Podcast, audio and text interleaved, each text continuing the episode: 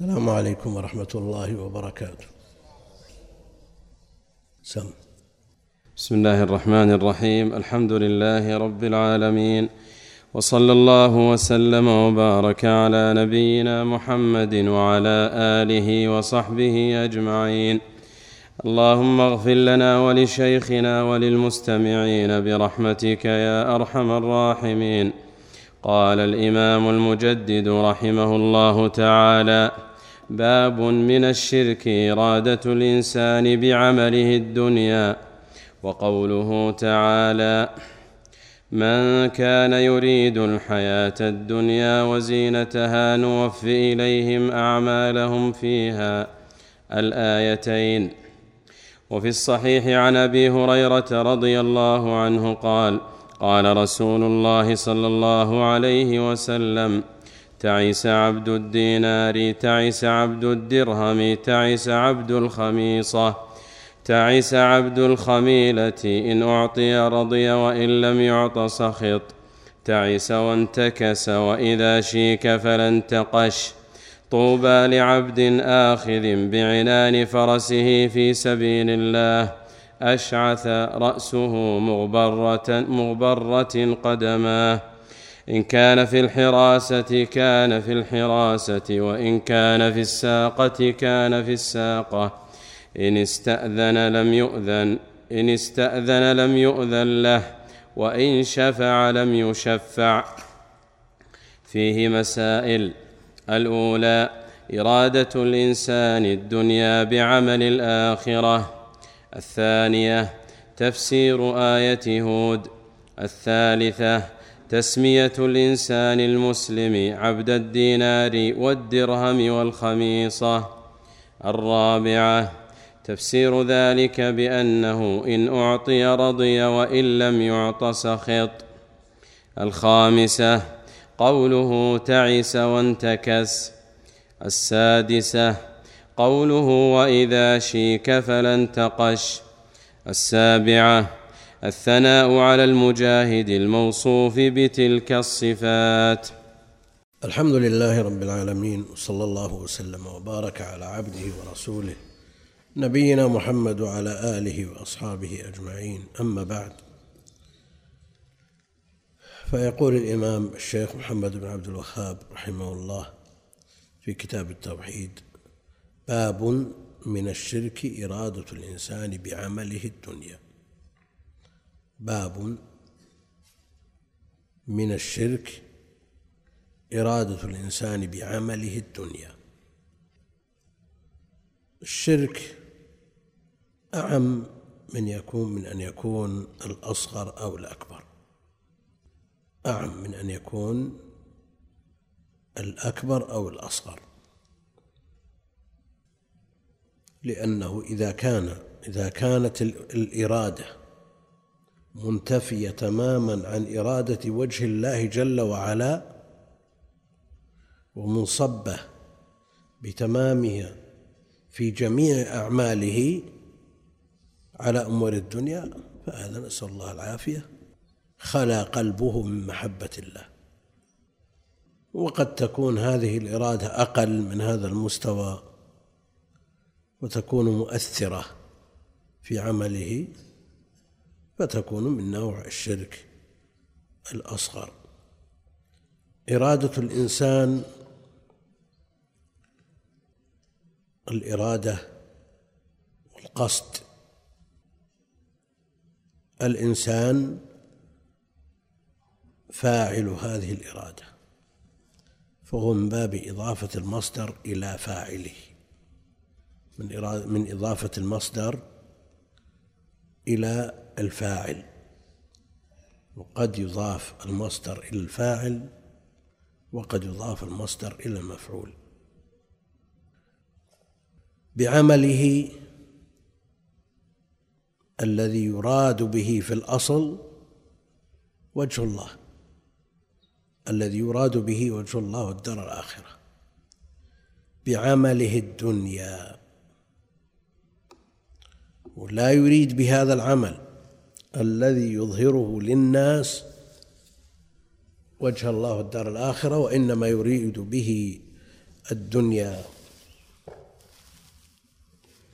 ولذا جاء الذم في حديث عمر إنما الأعمال بالنيات لماذا ذم من هاجر من أجل امرأة أو دنيا؟ لأنه أظهر إرادة الاخره لأنه أظهر إرادة الاخره وفي حقيقة الأمر يريد الدنيا. فمن كانت هجرته إلى الله ورسوله فهجرته إلى الله ورسوله. ومن كانت هجرته لدنيا يصيبها أو امرأة يتزوجها فهجرته إلى ما هاجر إليه. قد يقول قائل أنا بحثت عن زوجة. ماتت زوجته وبحث في بلده ما وجد من يزوجه. فانتقل من إلى بلد آخر يريد زوجة. هل يذم؟ والسياق في الحديث سياق ذم ولا مدح ذم. لماذا يذم؟ وقد هاجر لأمر واضح بل هو شرعي ومرغب فيه شرعا ومن سنن المرسلين هاجر ليتزوج. أو ضاقت به الدنيا في بلده فانتقل إلى بلد آخر ليطلب الدنيا. تجارة مثلا. هل يذم مثل هذا؟ ما يذم. لكن ما وجه الذم في هاتين الصورتين؟ انه يظهر للناس أنه يريد الآخرة. قلنا في مناسبات أنه لو جاء شخص قبل أذان المغرب يوم الاثنين بربع ساعة وفل الصماط ووضع التمر والماء والقهوة وفتح باب المسجد وكل من دخل تفضل يا أبو فلان. في هذا الوقت الأكل في المسجد مباح ولا محرم؟ مباح. ما في إشكال أن يأكل في المسجد. وكونه يجلس في هذا الوقت وينتظر حتى يؤذن المؤذن يعني لو أكل قبل الأذان انتفى المحظور لكن انتظر إلى أن أذن المؤذن وهو ما صام. يذم ولا ما يذم؟ يذم لأنه يظهر للناس أنه صائم وإلا الأصل أن الأكل في المسجد مباح ولا فيه أدنى إشكال. لكن كونه يعمد إلى هذا الوقت يموه على الناس أنه صائم وحتى لو جاء من بعد من من الباب الثاني البعيد تفضل يا أبو فلان عشان ما يفوت أحد. نعم؟ وهو ما صام. يذم ولا ما يذم؟ يذم لأنه يظهر للناس أنه صائم وهو في الحقيقة ليس بصائم وإلا فأصل العمل مباح. هذا اللي هاجر هذا الذي هاجر من أجل المرأة في الأصل لا يذم بل قد يؤجر. لماذا؟ لأنه يريد أن يحقق مطلبا شرعيا وهو النكاح. يعف نفسه ويعف الزوجة التي يريد أن يتزوجها و يمتثل ما أمر به شرعا من فعل ما شرعه الله على لسان الرسول ومن سنن المرسلين. لكني أصوم وأفطر وآكل اللحم وأتزوج النساء. نعم.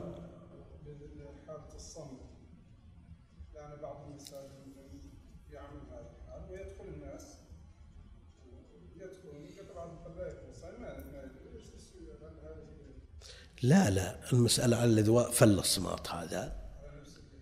على يحطه وقصد هذا الوقت. وأتى بما يفعله الصوام. بدقة. وانتظر. مسك التمر بيده. حتى إذا قال المؤذن الله أكبر. قال بسم الله. وش يعني هذا؟ لماذا لم يأكل قبل ربع ساعة؟ يعني لو أكل قبل الأذان انتهى الإشكال. ما في تمويه. لكن انتظر حتى أذن المؤذن وإلا فالأصل لكن ما في شيء. هذا يظهر للناس أنه صائم وذاك يظهر للناس أنه هاجر لله ورسوله وهو ما هاجر إلا من أجل هذه المرأة أو ما هاجر إلا من أجل هذه الدنيا. الأصل في العمل أنه مباح ما في شيء. إن لم إن لم يترجح جانب الثواب فيه. إذا إذا نوى نوايا أخرى قصد بهذه المرأة ما يقصد من المقاصد الشرعية وقصد في كسب الدنيا أن يعف نفسه عن الناس وامتثال ولا تنسى نصيبك من الدنيا وأيضا قصد الإحسان إلى الناس. يؤجر على هذا. لكن الإشكال في كونه يموه على الناس أنه هاجر من أجل وجه الله والدار الآخرة وهو في في الحقيقة لا يريد ذلك وإنما يريد الدنيا. نعم. شو؟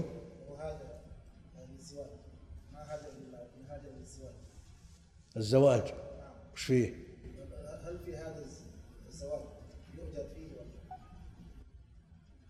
بأي وجه وبأي وسيلة؟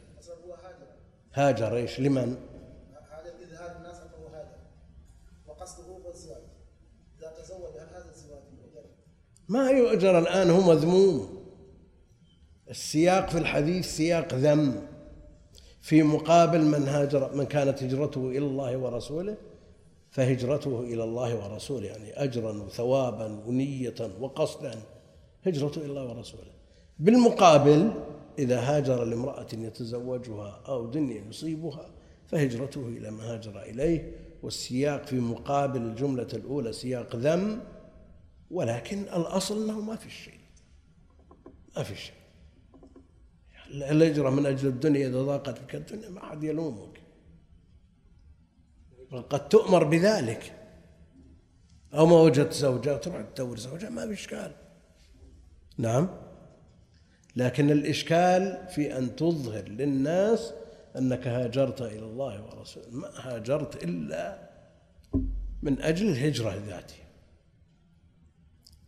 تظهر للناس تقول والله أني في بلدي ما استطعت أن آخذ راحتي في التعبد وفي الدعوة وفي طلب العلم وفي كذا وكذا. أنت ما لك أي هدف من هذه الأمور إلا لتتزوج أو تطلب الدنيا. يقول المؤلف رحمه الله تعالى باب من الشرك إرادة الإنسان بعمله. ها؟ نعم. بعمله. الأصل لا بعمله الذي يراد به وجه الله. ها؟ وين؟ إيه لكن القصد القصد إرادة وجه الله. يظهر للناس أنه صائم. هل نقول بعمله مفرد مضاف فيعم جميع أعماله؟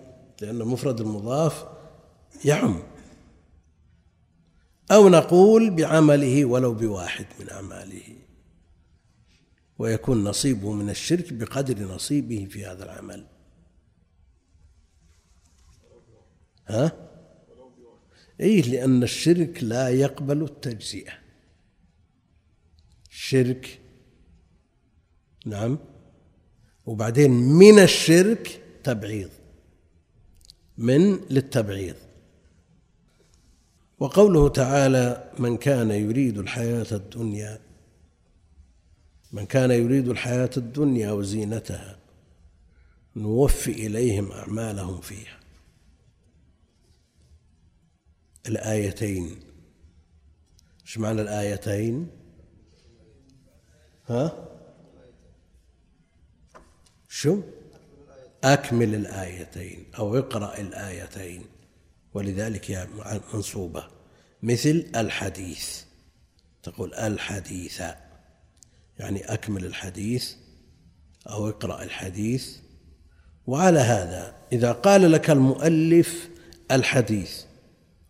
في كتاب مصنف. المؤلف ما أكمل الحديث وقال لك الحديث. المؤلف ما أكمل الآية. أو قال لك الآيتين أو الآيات. هل من حقك أن تضيف تبعا لهذا الأمر المضمر أن تضيف بقية الحديث أو بقية الآية؟ لا. ليس لك النسخ تختلف. بعض النسخ فيها إكمال. ها؟ شو؟ لا ما مسألة نقاط ولا غيره لأن بعض النسخ فيها تكميل. ها؟ شوف شو يقول لك في الحاشية. في في في لام إلى قوله وزينتها.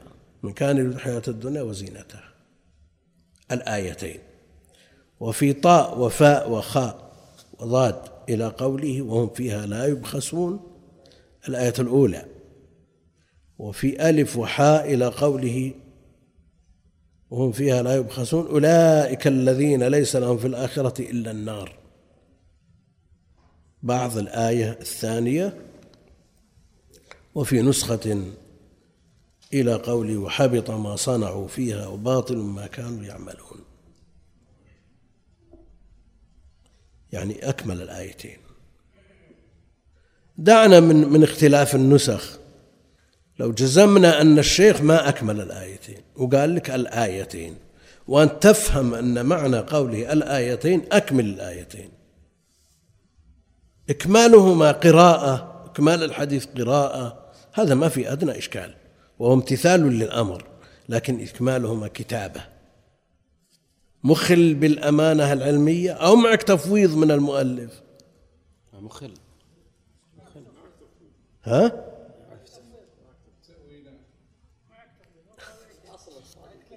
إي لأن بعض تشوف بعض الشراح يتصرفون ها؟ هو معناه أكمل الآيتين معك تفويض من المؤلف أنك تكمل الآيتين لكن هل تكملهما قراءة؟ هذا ما في إشكال. تكملهما كتابة وتزيد وتزيد في الكتاب الذي وضعه المؤلف على ما وضعه عليه؟ شو مشترط؟ ما عندك إلا هذا. ها؟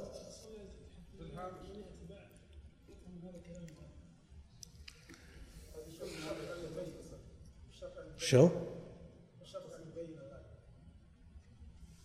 يعني زاد في الشرح ما يزاد في المتن. ها؟ في الشرح وليس في المتن لأن الإذن بالزيادة يفتح مجال لمن يأتي بعد. وهذا يزيد وذاك يزيد وذا يحذف وهذا ينقص وذا تمسخ الكتب بهذه الطريقة. الأصل أن تبقى الكتب على ما تركها مؤلفوها. لأن أحيانا يكون في الكتاب الأصلي خطأ لا يحتمل الصواب. نصحح ولا ما نصحح؟ ها؟ نصحح في الأصل ولا في الحاشية؟ الحاشية. ها؟ الحاشية. إذا كان الخطأ في آية فأهل العلم قالوا قاطبة يصحح. ها؟ في الأصل يصحح إذا كان في آية. وليس لهذا الخطأ الخطأ وجه في قراءة أخرى مثلا.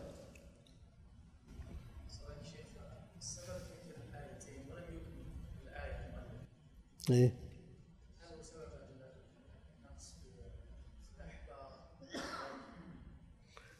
لا لا أحيانا يصير اختصارا للوقت وأحيانا يكون اختصارا للورق وأحيانا اختصارا ظروفهم تختلف عن ظروفنا. لكن حنا إذا صار عندنا كملت الآيتين والآية في كل باب من الأبواب وزاد عندك ملزمة في الكتاب. والأصل أن الآيات محفوظة. سواء بالقوة أو بالفعل. القريبة من من إما بالفعل أو بالقوة القريبة من الفعل. والحديث كذلك المصادر موجودة وبإمكانك تكمل. لكن يأتيك من يجهل. فيأتي إلى حديث إنما الأعمال بالنيات. في الموضع الأول من صحيح البخاري يقول في سقط. إنما الأعمال بالنيات وإنما لكل امرئ ما نوى فمن كانت هجرته لدنيا يصيبها أو امرأة يتزوجها فهجرته إلى ما هاجر إليه يقول في سقط وش السقط فمن كانت هجرته إلى الله ورسوله فهجرته إلى الله ورسوله. البخاري ما ذكر هذه الجملة في الموضع الأول. واعتذروا عنه. من جاء واحد من طلاب العلم قال في سقط ويلحق. لا. بعض الطلاب عندهم نهم وعندهم هجوم من غير تروي. بهذا يحصل التحريف في كتب أهل العلم بل يجب أن تبقى كما هي. إذا كان الخطأ مثل ما قلنا في آية صحح في أصل في الأصل إن لم يكن هناك وجه من قراءة أخرى أو نحوها.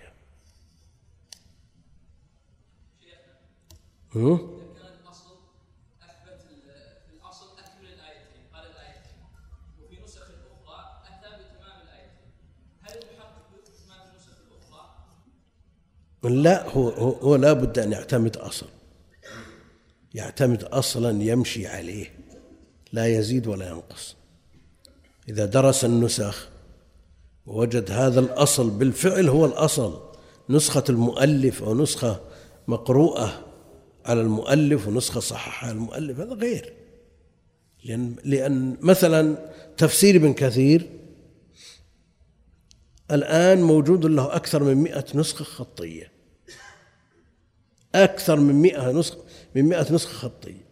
وأردنا أن نحقق تفسير من كثير وجاءك من جمع هالمئة وزاد من هذه وزاد من هذه ونقص من هذه. شو يصير؟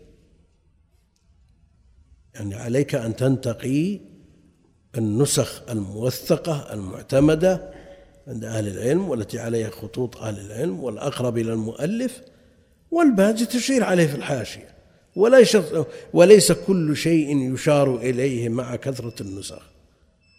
لأنه بدل الكتاب ما هو أربعة مجلدات خمس مجلدات يصير خمسين مجلد من هالحواشي. وفائدة القارئ قد تكون أقل من من من التعب الذي تعب عليه. لكن بالتجربة بعض المحققين وقد يكون من الكبار. يجتهد ويضع في الأصل كلمة ويشير في الحاشية إلى أنه في نسخة كذا. ثم مع السياق قراءة السياق وكذا يتبين الذي في الحاشية أصح. أصح وأقرب إلى السياق مما أثبته. وهذا موجود هذا عمل البشر كله على هذه الطريقة. لكن مقل مستكثر. على كل حال الذي دعاني إلى هذا الكلام أن واحد من الشراح أكمل الآيتين واعتذر. قال أكملت الآيتين والأصل ما فيه إكمال ولعل الأمر أن يكون خيرا. مثل هذا الإكمال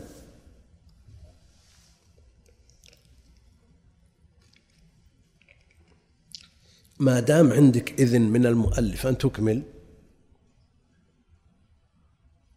عندك إذن فليس الخلل كبير.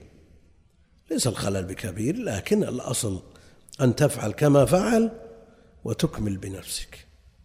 بعض ال ال ال ال ال الكتب في الأسانيد ما فيها ترضي عن الصحابة. أو ما فيها صلاة على النبي عليه الصلاة والسلام. كما قالوا عن الإمام أحمد أنه يصلي على النبي عليه الصلاة والسلام في نفسه. وبعضهم يترك الصلاة على النبي عليه الصلاة والسلام ليعود إليها فيما بعد لأنه في مجلس الإملاء ما يلحق. وترك تكمل ولا ما تكمل؟ لماذا؟ لأنه من باب الدعاء لا من باب الرواية. وهذا يختلف عن هذا. نعم. ها؟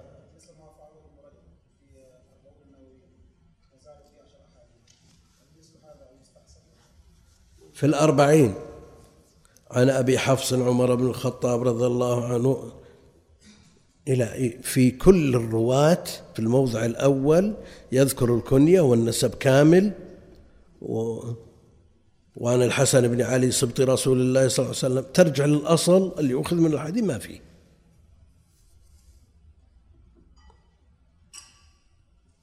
هذا تقصد؟ اي لا لا لا, لا هذا هذا موضح. كالذيل على الكتاب. زيادة النووي ابن رجب على أحاديث النووي هذا من باب التكميل لأن لأن هذه الأحاديث قواعد جوامع ورأى ابن رجب رحمه الله أن يكمل هذه الأحاديث بأحاديث لا تقل عنها أهمية ومبين أنها من زيادة ابن رجب ما في إشكال. يعني كالذيل.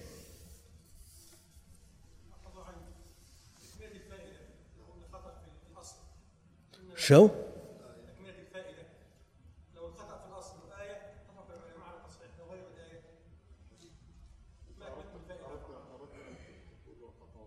شو؟ أردت أن تبين موضوع الزيادات خطأ ما أنا ما أسمع عبد الرحمن شو يقول؟ يقول أكمل ما أردت أن تذكره. إن كان خطأ في الآية فالعلماء قاطب على أنه يصحح في أصل الكتاب. ما لم يكن هناك وجه في قراءة. يعتمدها المؤلف وأنت ما تدري عنه. مثلا كثير من نسخ الصحيح الموثقة.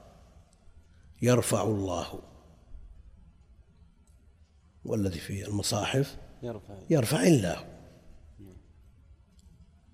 نسخ مقروءة على أئمة. نقول هذه قراءة البخاري ونتركها على أصلها أو نصحح. ها؟ أنت هل أنت أحط بكل شيء؟ ها؟ إيه. لكن القرآن أمره واضح وصريح والاختلاف فيه يسير وحماية القرآن وصيانته أمر مقرر في الشرع. لكن إذا كان الخطأ في حديث إذا كان الخطأ في حديث فهل يصحح في الأصل ويشار إلى أن هناك خطأ؟ أو يبقى الخطأ في الأصل ويشار إلى الصواب في الحاشية؟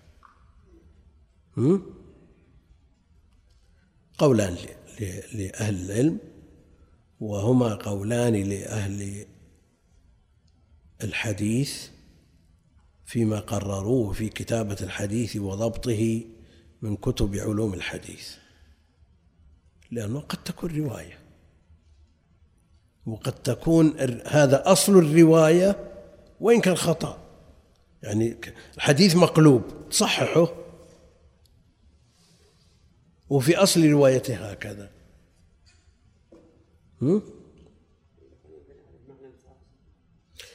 حتى لا تعلم يمينه ما تنفق شماله. بصحيح مسلم تبي تصحح؟ ها؟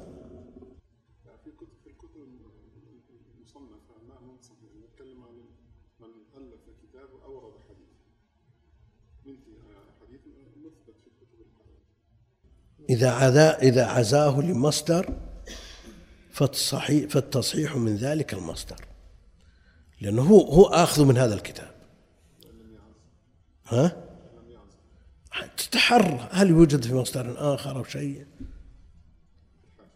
في الحاشية يعني لو في صحيح مسلم حتى لا تعلم يمينه ما تنفق شماله. يقول هذا حديث مقلوب والأصل حتى لا تعلم شماله ما تنفق يمينه لأن الإنفاق الأصل فيه باليمين. وأنا قلت أن يمكن توجيهه على وجه يصح لأن هذا سياقه سياق إخفاء الصدقة. والمسألة مفترضة في رجل مكثر من الصدقة ومخفل لصدقته. مثلا وجالس في المسجد أو قل في الحرم مثلا والسؤال عن من يمينه وعن شماله وهذا يعطيه بيدها اليمنى وهذا يعطيه بيدها اليسرى عشان ما يشاف ما يطلعون هؤلاء. وش اللي يمنع؟ ما في ما يمنع. نعم. ها؟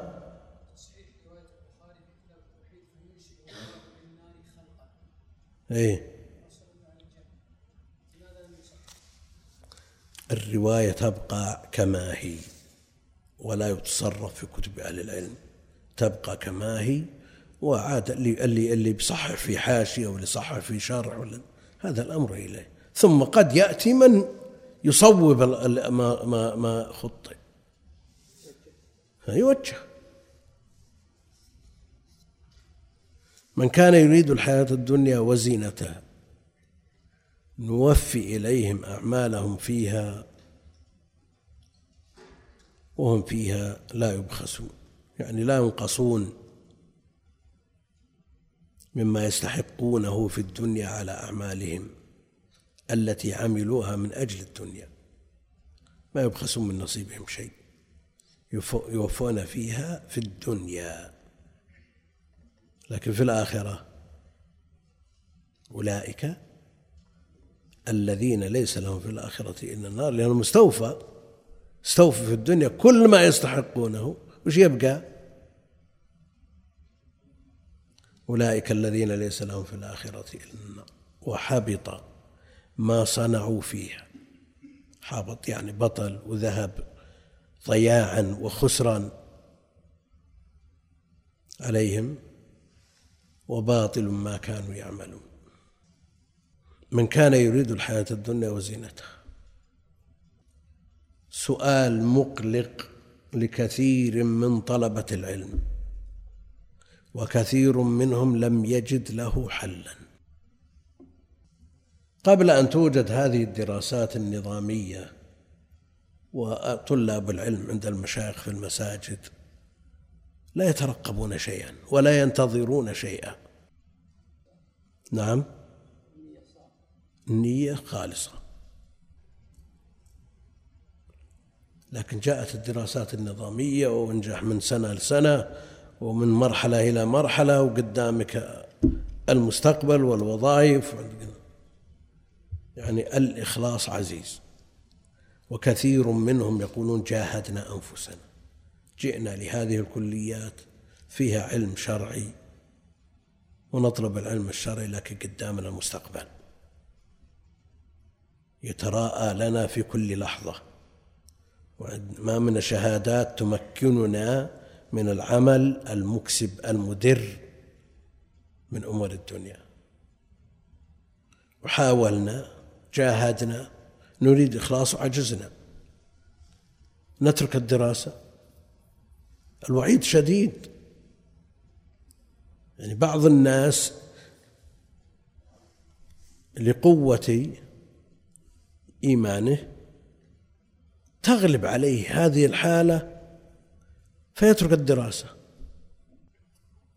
تغلب عليه الحالة ويترك الدراسة. وعيد شديد. بدور حطام الدنيا بأمور الآخرة؟ المسؤول وقد لا يكون يعاني هذه المعاناة يتصور الوضع لكن السائل يعاني أشد والمسؤول يريد أن يسدد ويقارب وأن يكون هذا الذي تحرج من هذا الموقف يكون أنفع من غيره للأمة. بل القرائن تدل على أنه أنفع وأنه صاحب دين وعنده نوع إخلاص وخوف من الله جل وعلا. يقول له الترك ليس بعلاج. الترك ليس بعلاج. إنما تابع وجاهد نفسك. وإذا علم الله منك صدق المجاهدة أعانك على صدق الإخلاص. وقديما بعض السلف قال طلبنا العلم للدنيا فأبى إلا أن يكون للآخرة. والواقع يشهد أنه كلما تقدمت السن وزاد التحصيل عند طالب العلم يكون أقرب إلى الإخلاص. لأنه في نشوة الطلب في بدايته قد لا يكون عنده ولا مثقال ذرة من إخلاص. وهذا مشاهد أن تنظر إلى هذا الطالب في في الطلب في الكلية وأول ما يتخرج وتعين معيد ولا ملازم قاضي تجد شيء عند نفسه. لكن اصبر عليه كم سنة. ويتزود من العلم ويرسخ في علمه. تغير حاله. تتغير حاله. وهذا شيء مشاهد. الله المستعان. ها؟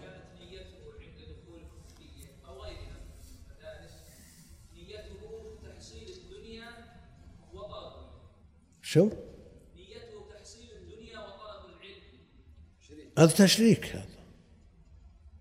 هذا تشريك في العبادة. يعني فيها دخل أيوه واضح.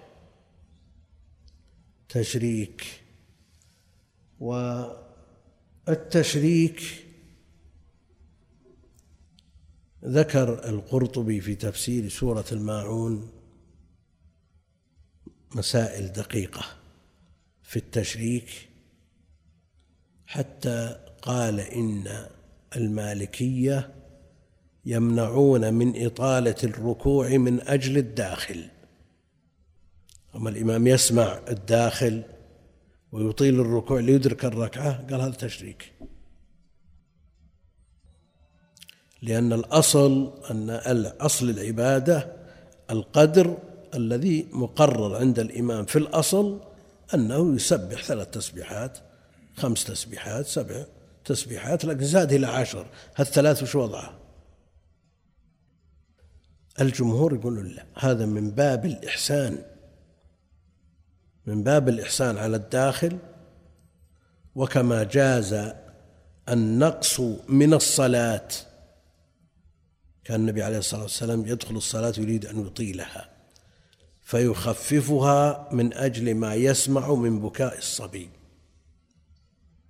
مراعاة لقلب أمه.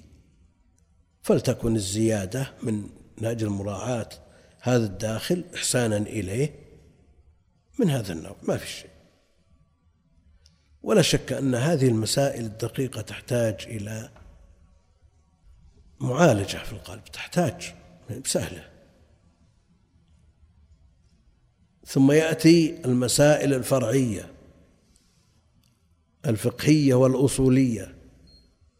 شخص خلينا ننساه ولا خليه يذن تفضل يا محمد ما فائدة نسيناه الشكوى الله بعث مقاما محمودا في مسألة انتظار الداخل عرفنا أن من باب الإحسان إلى هذا الداخل عند الجمهور ولا أثر لها في الصلاة وقلب الإمام نظيف من التشريك والملحوظ في مثل هذا الصنيع هو الإحسان إلى هذا الداخل وهو كونه يدرك الركعة. الإمام الذي بدلا من أن يسبح ثلاث تسبيحات سبح سبع تسبيحات وزاد في الوقت ما زاد هذا الوقت المزيد. هناك قاعدة عند أهل العلم في القدر الزائد على الواجب. ها؟ نعم القدر الزائد على الواجب.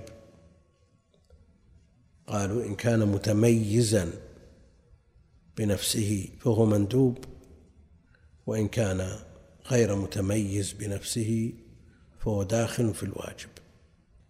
فهذا الزائد من الإمام يدخل في الواجب أو يدخل في المندوب. ها؟ شو؟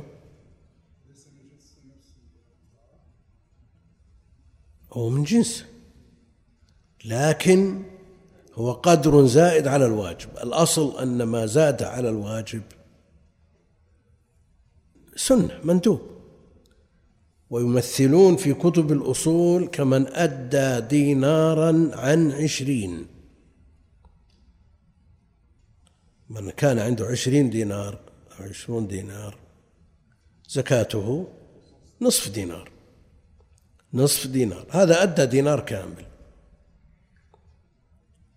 هل الدينار كله واجب أو نصفه واجب ونصفه مندوب؟ ها؟ كله واجب. شو؟ قالوا الزيادة غير متميزة. أنت إذا أردت أن تدفع الفطرة صدقة الفطر الواجب عليك صاع. فأتيت بكيس ودفعته إلى فقير. ها؟ أو قسمت هذا الكيس إلى آصع حطيت كل صاع في كيس صار القدر الواجب واحد والبقية ندب. هذه لأنها متميزة. هذا الداخل الذي دخل وأدرك الإمام في القدر المندوب الزائد. وقلنا لا تصح صلاة المتنف المفترض خلف المتنفل. ما يكون ماذا يكون إدراكه للركعة؟ غير مجزي ها؟ غير مجزي عن القاعدة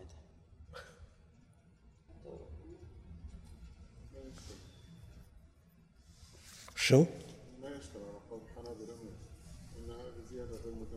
لأنها غير متميزة زيادة غير متميزة فداخلة في الواجب. ها؟ خلاص انتهى الاشكال قلنا زيادة غير متميزة حتى على أصل الحنابله واجبة. ما يتأثر. في الصحيح الشيخ كثيرا ما يقول في الصحيح والمراد به البخاري. وأحيانا يقول في الصحيح ويريد مسلم وأحيانا يقول في الصحيح والمراد جنس الصحيحين. جنس الصحيح ويشمل البخاري ومسلم. عن أبي هريرة رضي الله عنه قال قال رسول الله صلى الله عليه وسلم تعس تعس عبد الدينار. تعس بمعنى خسر والتعاسة ضد السعادة. فبدلا من أن يكون سعيدا يكون تعيسا شقيا. عبد الدينار عبد الدينار. جعله عبدا للدينار لأنه يقدم حب الدينار على ما يحبه الله ورسوله. وليس عبدا لله حقيقة لأن العبودية تصرف القلب على مراد المعبود على مراد المعبود وهذا قلبه متصرف على ما يوافق هذا الكسب. كسب الدينار والدينار معروف إنه من الذهب وتعس عبد الدرهم من الفضة والدينار صرفه اثنا عشر درهما في عهد النبي عليه الصلاة والسلام. ولذا جاء القطع في السرقة بربع دينار وقطع في مجن قيمته ثلاثة دراهم. فالدينار يعادل 12 درهما وقد يزيد فيصل إلى خمسة عشر أو أحيانا عشرين. يكون الذهب فيه شح والفضة فيها يسر تكون موجودة فيزيد الصرف. أو العكس يحتاج الناس إلى الفضة والذهب متوافر فيكون بعشرة أو أقل. وأنتم ها؟ شلون؟ يعني وش رأيك بقطع مجنن قيمته ثلاثة دراهم؟ ولا يقطع إلا في ربع دينار فصاعدا. الصرف الدينار اثنى عشر درهم والدية من الذهب ألف ومن الفضة اثنى عشر ألفا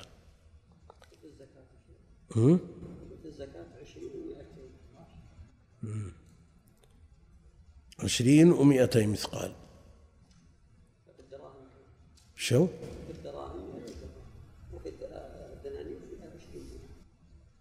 إيه لكن كم النسبة؟ عشر إيه أنا أقول الصرف ما هو بثابت ليس بثابت. أن تنظر إلى مثلا قيمة العملات اليوم هل هي ثابتة؟ لا. ببعضها لبعض؟ لا. قد يزيد هذا وقد ينقص هذا لكن الصرف في عهد النبي عليه الصلاة والسلام. في القطع نسبة واحد إلى اثنى عشر. ها؟ شو الأصل؟ على خلاف بينهم الأصل الذهب أو الفضة أو كلاهما أصل. ها؟ هذا الخلاف موجود إلى يومنا هذا الخلاف موجود. هل أصل الأصل الذهب أو فضة أو الفضة أو كل ما جاء به نص فهو أصل. تعس عبد الخميصة. تعس عبد الخميلة. الصنف الأول في عبادة المال والثاني في عبادة ما يسمى بالأثاث والناس لكل قوم وارث بعض الناس المال عنده يوجهه ويسيره. وبعض الناس الأثاث تجد في بعض الجهات تغيير الأثاث سنوي. وليس من النوع الرخيص ما هو بتجيب لك فراش بساط انت تبسط وخلاص صار بعد سنة تغير. لا. الأثاث اليوم مكلف. يأثثون الناس بالملايين. وبعد سنة يغير ولا ما ولا ما جلس عليه. ويهتم لهذا ويصرف وقته وجهده وولاءه وعداءه من أجل هذا. تعس عبد الخميصة تعس عبد الخميلة. أما لباس يهتم بمظهره أو يكون فراش يهتم به ويقدمه على مرضاة الله جل وعلا. طيب غير هذه الأمور مثلا طالب علم له عناية بالكتب مثلا وذكر له تركة في في ناحية من نواحي البلد ويخشى أن تفوته ركب السيارة وفاتت الصلاة وش تقول؟ ها؟ شو؟ مشكلة شو؟ مذموم لا أحيانا تترك الصلاة لا لشيء بس اللي يريد أن يصلي قدام. والعادة جرت سبحان الله العظيم أن الإنسان إذا ركب السيارة بعد الأذان وقال قدام قدام تفوته على كل حال ينبغي أن يكون الهوى تبعا لما جاء به الله ورسوله. تبعا لما جاء به الله ورسوله.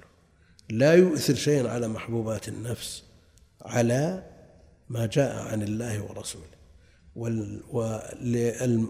والنظر الدقيق في حديث الثلاثة الذين انطبق عليهم الغار وفيهم الذي انتظر أباه حتى يفيق يستيقظ واللبن في يده والصبية يتضاغون.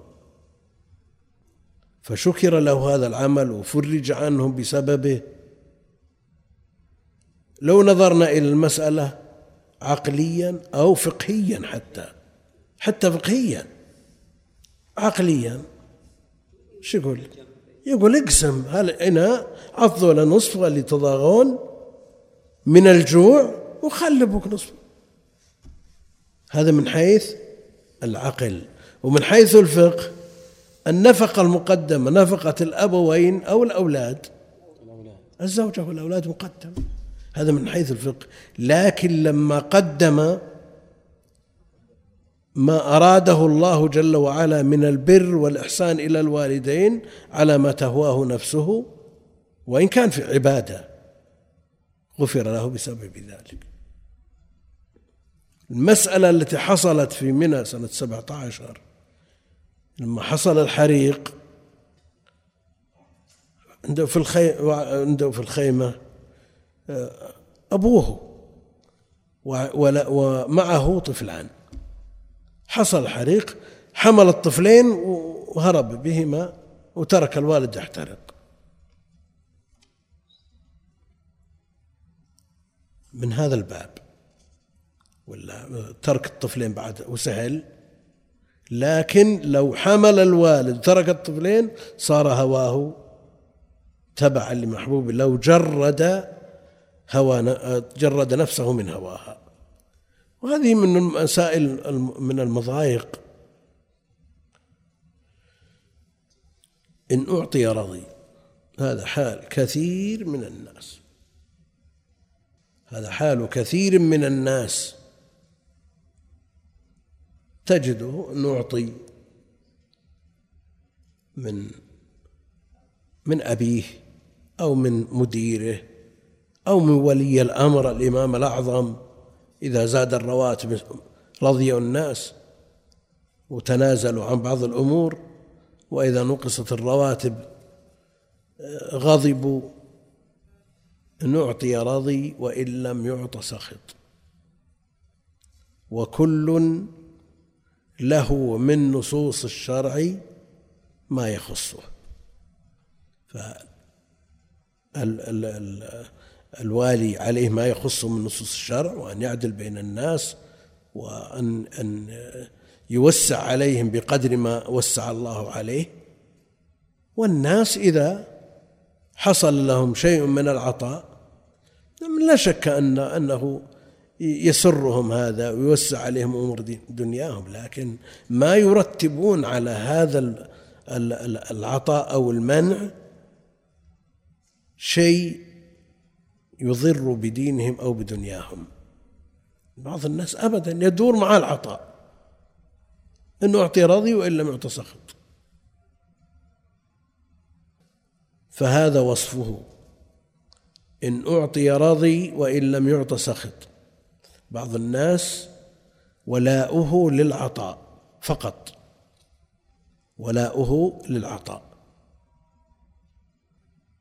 إذا فقد هذا العطاء فقد الولاء. وهذا لا شك أنه محرم ومقتضى البيعة الشرعية بايعنا رسول الله صلى الله عليه وسلم في العسر واليسر والمنشط والمكره وأن, وأن نقوم ونقول بالحق لا نخاف في الله لومة لائم في العسر في الع... في في في الشح ما أعطاك ولي الأمر تنقض البيعة أو أعطاك تزيد في الولاء لا. النظر إلى بايعنا رسول الله صلى الله عليه وسلم على السمع والطاعة في العسر واليسر والمنشط والمكره. أمر الدنيا أنت أد الذي عليك واسأل الله جل وعلا الذي لك. وليس مثل هذه النصوص بمبرر لمنع ما يستحقه الناس من بيت المال. ابدا هذا عليه ما يخصه أو له ما يخص من النصوص وهذا له ما يخصه من النصوص. وأنت عليك أن تؤدي ما عليك. وأن تسأل الله جل وعلا الذي لك.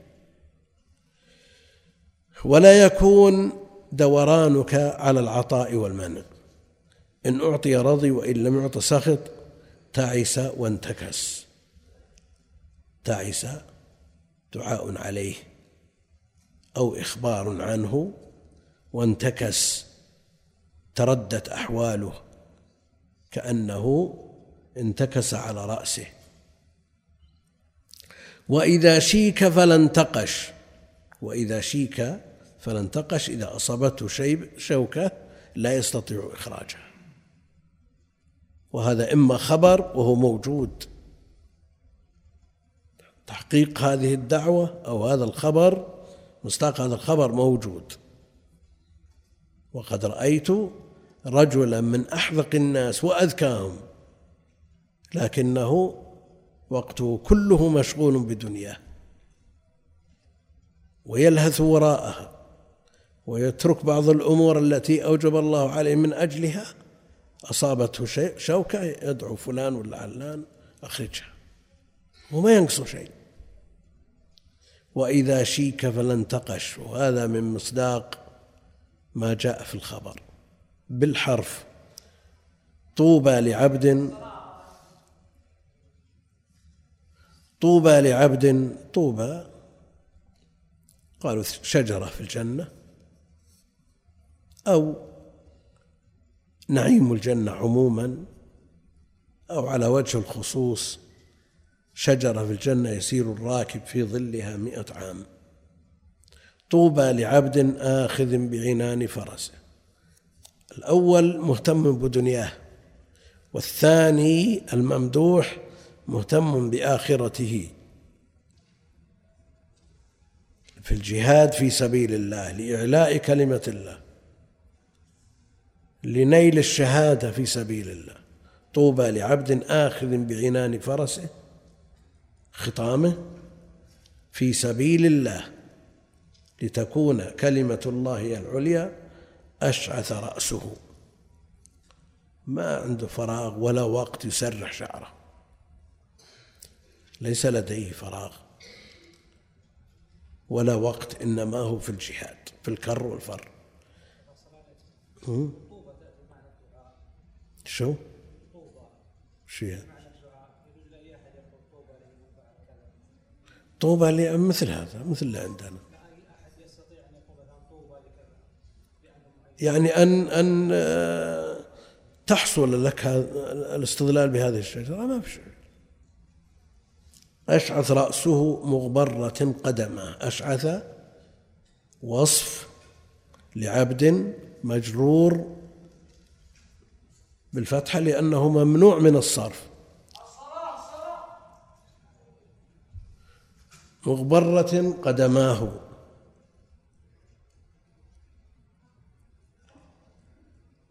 وهو أيضا وصف لعبد مجرور وهو مصروف مجرور بالكسرة الظاهرة.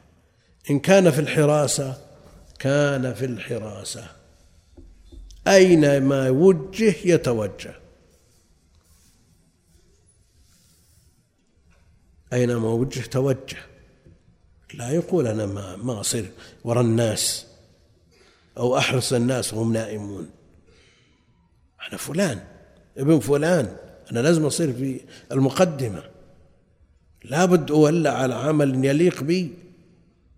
هذا ما عنده هذا إن كان في الحراسة كان في الحراسة وإن كان في الساقة يعني في آخر الناس كان في الساقة.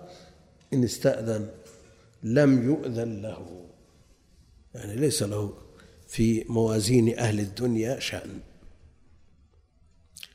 ليس له في موازين أهل الدنيا شأن.